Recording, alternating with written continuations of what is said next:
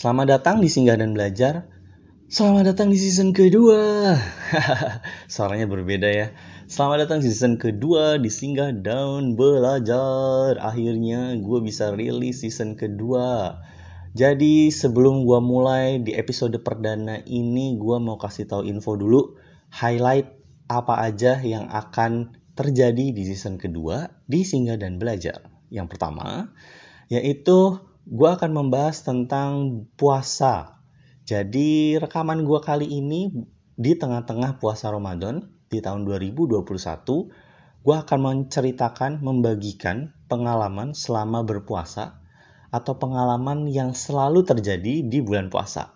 Ya banyak sih sebenarnya dari bukber, sahur, mencari takjil, puasanya itu sendiri, macam-macam deh dengan harapan ya ini bisa akan selalu memberikan lo kenangan baik sebelum ataupun sesudah puasa. Nah terus gue juga yang kedua mau membagikan cerita tentang pengalaman pekerjaan yang pernah gue alami. Jadi pengalaman gue itu cukup berbeda-beda, makanya gue mau share di Singgah dan Belajar ini. Kenapa? Karena gue rasa sih ya supaya lo jadi tahu aja gitu. Oh ternyata pekerjaan yang namanya account manager itu seperti ini. Walaupun, walaupun ada tapinya nih. Pekerjaan di perusahaan A tidak sama dengan pekerjaan di perusahaan B. Dan juga pengalaman gue itu sebentar-sebentar, jadi belum tentu yang gue lakukan itu valid. Maksudnya ya ini kan sebatas yang gue alami ya selama gue bekerja aja gitu. Nah kayak gitu sih dan juga tujuannya supaya lo yang baru mau terjun di dunia pekerja lu jadi tahu gitu oh pekerjaan ini tuh seperti ini ya kira-kira gambarannya kayak gitu. Nah terus juga seperti biasa cerita gue di Taiwan pasti akan gue selipkan di season kedua. Perlahan perlahan gue masukin kayak gitu. Terus juga yang terakhir gue akan mengundang beberapa teman lagi di season kedua ini. Udah ada yang confirm uh, mereka mau membantu gue menjadi narasumber jadi bintang tamu di singgah dan belajar Salah satunya ada seorang YouTuber, temen gue, YouTuber yang berusaha merintis kesuksesan di dunia YouTube, itu ada. Nanti kita akan ngobrol-ngobrol. So, let's start. Mari kita mulai. Untuk episode kali ini adalah gabungan dari cerita gue di Taiwan dan puasa. Jadi apa ceritanya? Gue mau mulai dengan cerita yang sederhana aja sih sebenarnya. Dan ini singkat banget sih sebenarnya ceritanya. Nggak akan memakan waktu lama. Jadi gini ceritanya. Jadi 2016-2017 itu gue kedapatan puasa Ramadan di Taiwan.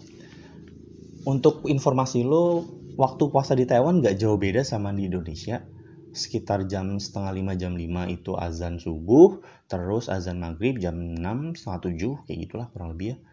Jadi gue akan menggunakan waktu Indonesia aja, karena puasanya kurang lebih 13 4 jam, 14 jam, itu nggak jauh beda. Bukan yang lo berpuasa sampai 17 jam, 18 jam di negara-negara yang seperti itu. Enggak gitu. Jadi puasanya sebenarnya kalau dihitung berat sih gue nggak berat-berat banget sih guys. Nah terus, terus gini, ceritanya bukan di situnya. Masalah puasa nyari sahur gitu, itu biasa lah gitu. Maksudnya nggak sulit gitu. Cuma tinggal lo beli makan, bangun agak pagi, terus ya udah gitu. Nothing happen. Jadi, tapi ceritanya terjadi ketika gue di kelas justru. Jadi konteksnya adalah saat itu kalau dari angkatan hanya dua orang yang beragama Islam. Gue dan satu teman dari India. Tapi satu momen ini waktu itu nggak ada dia sih. Jadi kita kayaknya beda kelas gitu. Nah, gue lagi ngobrol-ngobrol nih sama teman-teman ya biasa lah ya uh, bercanda gurau, bertukar pikiran supaya menjadi anak milenial yang penuh dengan wawasan ceritanya. Nah, udah tuh lagi sama teman-teman dari Amerika Latin. Ada satu cowok dari cowok dari Amerika Latin, negaranya mana ya? Gue lupa sih negaranya mana. Anyway, mereka nanya gitu. Ini puasa ini ngapain gitu? Intinya gitu kan. Ya, kalau dari segi esensi berpuasanya di bulan Ramadan, gue menjelaskan dengan sangat general seperti yang lo sering dengarkan di khutbah, di TV, atau di mana-mana ya. Kan sering banget tuh uh, esensi berpuasa. Tapi mereka tuh lebih tanya teknis melakukan berpuasanya itu seperti apa. Udah tuh, ya gue jelasin dah jadi pokoknya gue bangun jam 4 gue sahur makan sampai jam setengah lima. Setengah lima gue stop makan dan minum. Baru gue makan dan minum lagi itu maghrib jam 6 gue bilang kayak gitu kan. Jadi puasa gue adalah nggak makan nggak minum dari sebelum terbitnya matahari sampai terbenamnya matahari. Oh dia kaget. Wah oh, nggak mungkin. Ada tuh ya nggak nggak se ekstrim itu sih tapi mereka menunjukkan ekspresi kalau nggak mungkin gue bisa melakukan itu dalam arti adalah kalau nggak makan doang it's fine nggak apa-apa gitu tapi kalau nggak minum selama 14 jam mereka meragukan itu apalagi dua-duanya nggak makan plus nggak minum karena mereka berteori bahwa manusia itu perlu minum, perlu air. Karena 70% tubuh manusia itu berisikan air. Mereka bilang gitu kan. Ya gue membalasnya dengan ketawa sih. Ya kalau nggak bisa dilakukan gue sudah metong dong yes. I'm dead already, you know. Buktinya gue masih sehat gitu. Gue bilang kayak gitu kan. Iya, tapi pasti lo nggak sadar minum gitu. Pasti itu adalah refleks manusia. Gitu. Jadi kayak kita tuh hanya ngobrolin itu bukan mempermasalahkan berdebat enggak gitu kita diskusi biasa aja yang sebenarnya faktanya adalah manusia itu bisa hidup beberapa hari tanpa makan dan berapa hari ya? Sedikit nggak sebanyak tanpa makan tapi masih bisa hidup mungkin satu hari tanpa minum. Ada itu lu bisa cari di internet informasinya. Kalau lu bisa cari kasih tahu di instagramnya sehingga dan belajar ya. Nah udah tuh. Terus ya pokoknya intinya nggak mungkin gitu. Terus gue bilang ya lu tahu nggak? Ada lo negara di luar sana di benua luar Af Asia yang jam siangnya lebih lama. Terus dia bilang iya nah iya juga ya. Itu gimana? Dan segala ya itu gue menjelaskan teknisnya itu lain lagi lah. Terus tapi intinya dia masih bingung gitu. Kayaknya nggak mungkin pokoknya tetap aja nggak mungkin lah. Nggak mungkin lo bisa nggak mungkin lo bisa tahan gitu. Ada ada posisi di mana dia mempertahankan argumennya. Terus gue bilang kayak gini deh. Bro gini deh. Biar enak. Gue rencananya mau mengenalkan konsep berpuasa ke dia jadi gue ajak gini bro gue pengen lo ikutan puasa kayak gue tapi berhubung lo kayaknya nggak percaya nih sama yang gue lakuin ada satu puasa yang dilakukan oleh banyak orang di dunia itu dilakukan untuk diet dan dilakukan untuk merubah lifestyle menjadi lebih sehat. Namanya adalah intermittent fasting. First thing you can do, first thing you have to do, hal pertama yang lo wajib lakuin, lo research dulu intermittent fasting itu seperti apa. Tapi gue ngasih tahu nih, intermittent fasting yang gue tahu. Sederhananya kayak gini bro, intermittent fasting yang gue tahu dan yang pernah gue lakukan adalah ada jam makan, ada jam puasa. Jam makan itu antara 4, 6, 8, atau 10 jam. Well, sebenarnya ya guys, gue itu 4, 6, 8 doang sih yang gue baca. 10 itu gue modifikasi sendiri. Jadi gue bilang ke dia tapi 4, 6, 8, 10. Itu jam makan. Jam makan diterapkan biasanya di siang hari ketika beraktivitas di luar jam makan adalah jam puasa, di mana lo nggak boleh makan atau minum selain air putih ataupun mineral water ataupun teh tawar yang nggak ada kandungan gulanya sama sekali. Itu tuh, gue kasih tahu tuh. Jadi lo nggak bisa tuh lo minum vodka, minum ngebir malam-malam, party-party gitu-gitu. No, gue bilang. Gue bilang, enggak. Udah. Abis itu, uh, kayaknya gue sering banget yang ngomong abis itu gue bilang tuh gue jelasin intermittent fasting simple sederhana gue kasih contoh dulu gue pernah ngelakuin jam makan gue dimulai dari jam 11 siang gue ngambil jam 10 jam jam makan. Artinya gue tutup jam 9 malam. Selepas dari jam 9 malam gue cuma minum air putih sampai besoknya jam 11 pagi eh jam 11 siang lagi. Itu gue lakuin setiap hari. Apa aja yang boleh dimakan? Bebas. Jam makan yang literally yang memang lo bisa makan apa aja yang lo mau gitu. Lo mau kalap juga boleh terserah lo gue bilang kayak gitu. Gue jelasin tuh ke dia. Konsep intermittent fasting. Tapi yang gue tekankan adalah ke dia what you have to do research first gue bilang. Lo lakuin dulu cari informasi gali yang dalam tentang intermittent fasting. Yang gue bilang hanyalah satu eh, persen atau bahkan mungkin 0,000 sekian persen dari seluruh informasi tentang intermittent fasting. Gue nggak mau apa namanya lo nyalahin gue karena informasi yang gue kasih salah itu yang gue lakuin waktu itu gue stop karena gue merasa ada yang lebih cocok metodenya gitu. Nah, yang lebih cocok itu lu bisa denger di season 1 gimana caranya gue menurunkan berat badan. Hehe, sambil promo season 1. Nah, udah tuh, dia setuju. Oke, gue akan lakuin. Lakuin dua minggu, gue akan lakuin. We will see in two weeks, dia bilang. Oke, itu deal ya, deal. Udah tuh, udah. Setelah menjelang dua minggu, kita ketemu lagi. Ya sebenarnya sih di antara itu ketemu ngobrol dan lain-lain. Tapi kita nggak pernah bahas. Di dua minggu dia tiba-tiba datang bro. Dia mukanya datang dengan muka semangat untuk bercerita. Seneng banget. Yang happy banget gitu. Yang bener-bener happy banget. Terus yang apa namanya wah gila sih. Nggak bisa diungkapkan kata-kata yang lo pernah nggak sih ngelihat temen lo happy banget mendapatkan kabar terus apa lu ngelihat mukanya dia datang ke lo kayak gitu perasaan. Terus temen gue bilang lu tau nggak gue udah ngejalanin yang lu bilang dua minggu. Gue puasa dua minggu. Gila efeknya gila. Gila gilanya tuh gila happy. Yang enak banget dia bilang gue suka banget metode ini dia bilang kayak gitu.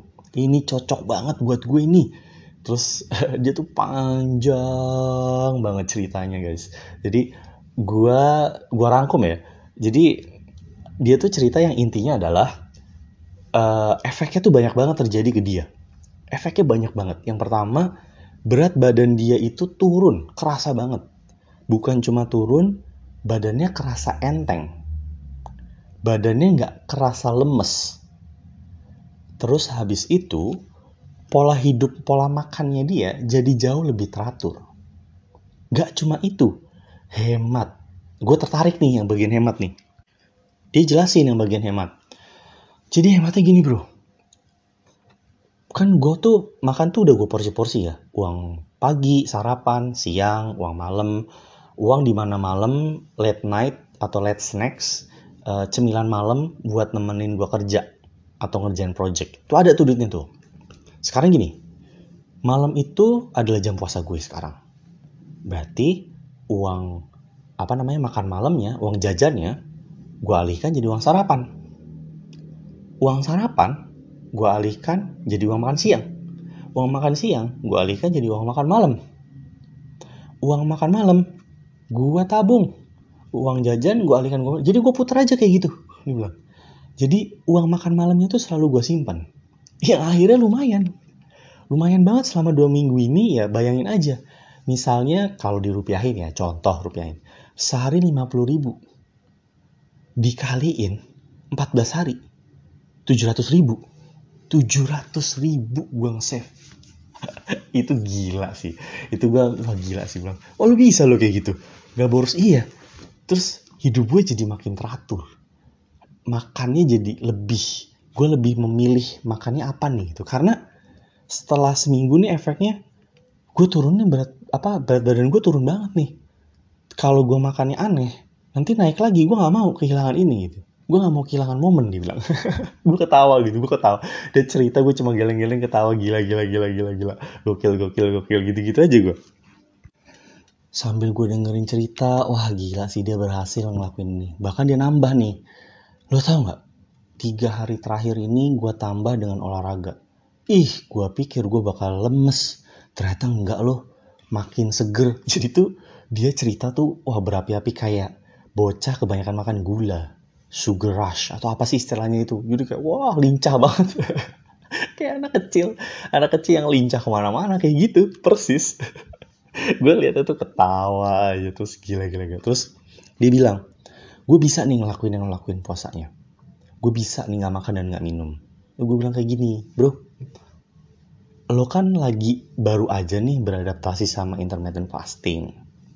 badan lo sudah berhasil beradaptasi, lagi menikmati nih momen udah penyesuaian dan enak nih intermittent fasting. Badan lo tuh lagi bilang gitu. gitu. Kalau tiba-tiba lo ganti lagi, takutnya badan lo protes. Efeknya ke lo, ke mood, dan semuanya.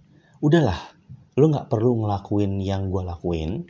Cukup lo sekarang tahu kan, kalau yang gue lakuin itu mungkin aja dilakukan oleh banyak orang puasa nggak makan dan nggak minum untuk 14 jam. Itu mungkin aja gitu. Iya sih, gue gue yakin sih bisa sih gitu. Ya udah, terus gue bilang lagi, gue lanjut. Ya udah, sekarang lo lanjutin aja intermittent fasting. Your body is happy with it gitu. Enjoy, nikmatin. Efeknya banyak dan bagus semua. Berat badan lo turun, lo sekarang lebih seger, terus lo juga jadi lebih hemat, nggak pernah lemes lu bisa mengatur pola hidup lebih baik lagi, lu olahraga, semuanya kan efeknya bagus, udah lanjutin aja. Sekarang lanjutin, kotoh kita sama-sama fasting. Lu fasting intermittent, gua fasting Ramadan, selesai gitu. Yang penting gue mengenalkan lo namanya puasa nih, namanya puasa intermittent fasting tuh dilakuin banyak orang. Gue nggak bohong, lu cari di internet banyak orang yang ngelakuin. Kayak gitu terus yang iya iya oke oke oke. Nah Kenapa nih gue mau share cerita ini ke lo semua yang dengerin? Karena ternyata setiap puasa itu kan ya di YouTube itu gue nonton banyak banget kok orang-orang yang di luar agama Islam mereka tertarik untuk nyobain puasa Ramadan itu kayak gimana. Tertarik untuk merasakan euforianya puasa Ramadan tuh kayak gimana gitu. Bangun sahur jam setengah empat, jam empat, terus nahan beraktivitas puasa sampai maghrib kayak gitu-gitu gitu banyak banget yang pengen coba dan gue yakin juga sampai per detik ini masih banyak orang yang pengen banget cobain berpuasa. Tapi mereka takut gitu.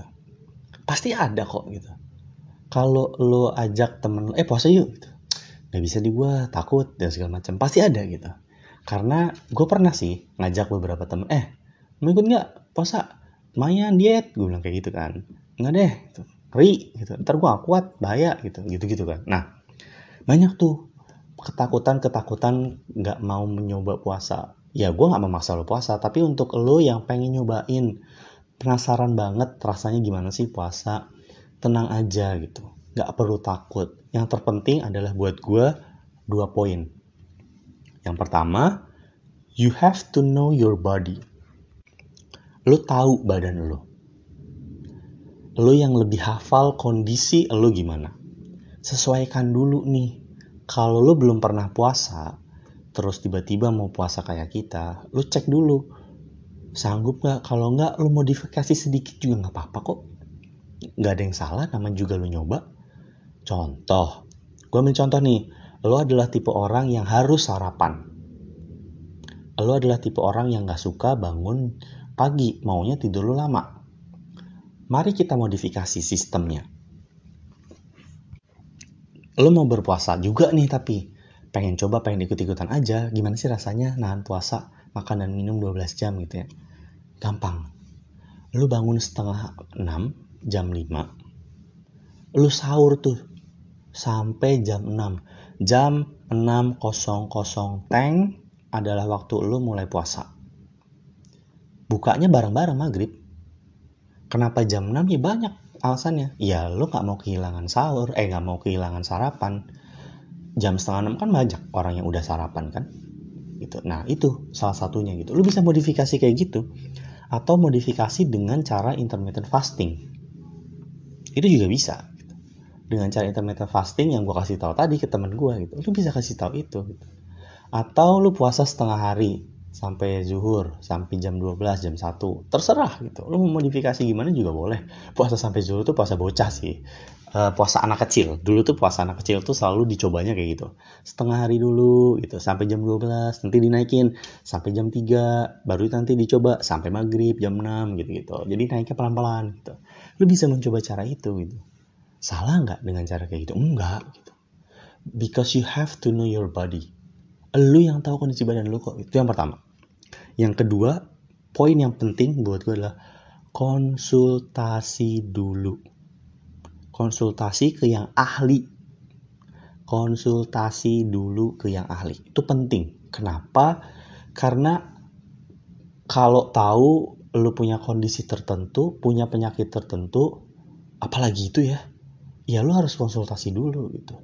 Misalnya lu punya penyakit yang uh, apa namanya, lu harus makan per berapa jam, mungkin ya ada kayak gitu.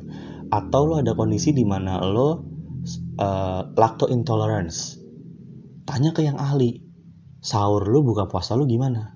Atau lu adalah seorang vegetarian, tanya ke yang ahli untuk vegetarian, sahur dan berbukanya seperti apa? Atau lu punya asma, eh, apa namanya? Eh punya asma, punya mah, atau lu punya mah, punya mah penyakit mah. Nah kalau lu punya penyakit mah, tanya ke yang ahli, konsultasi dulu.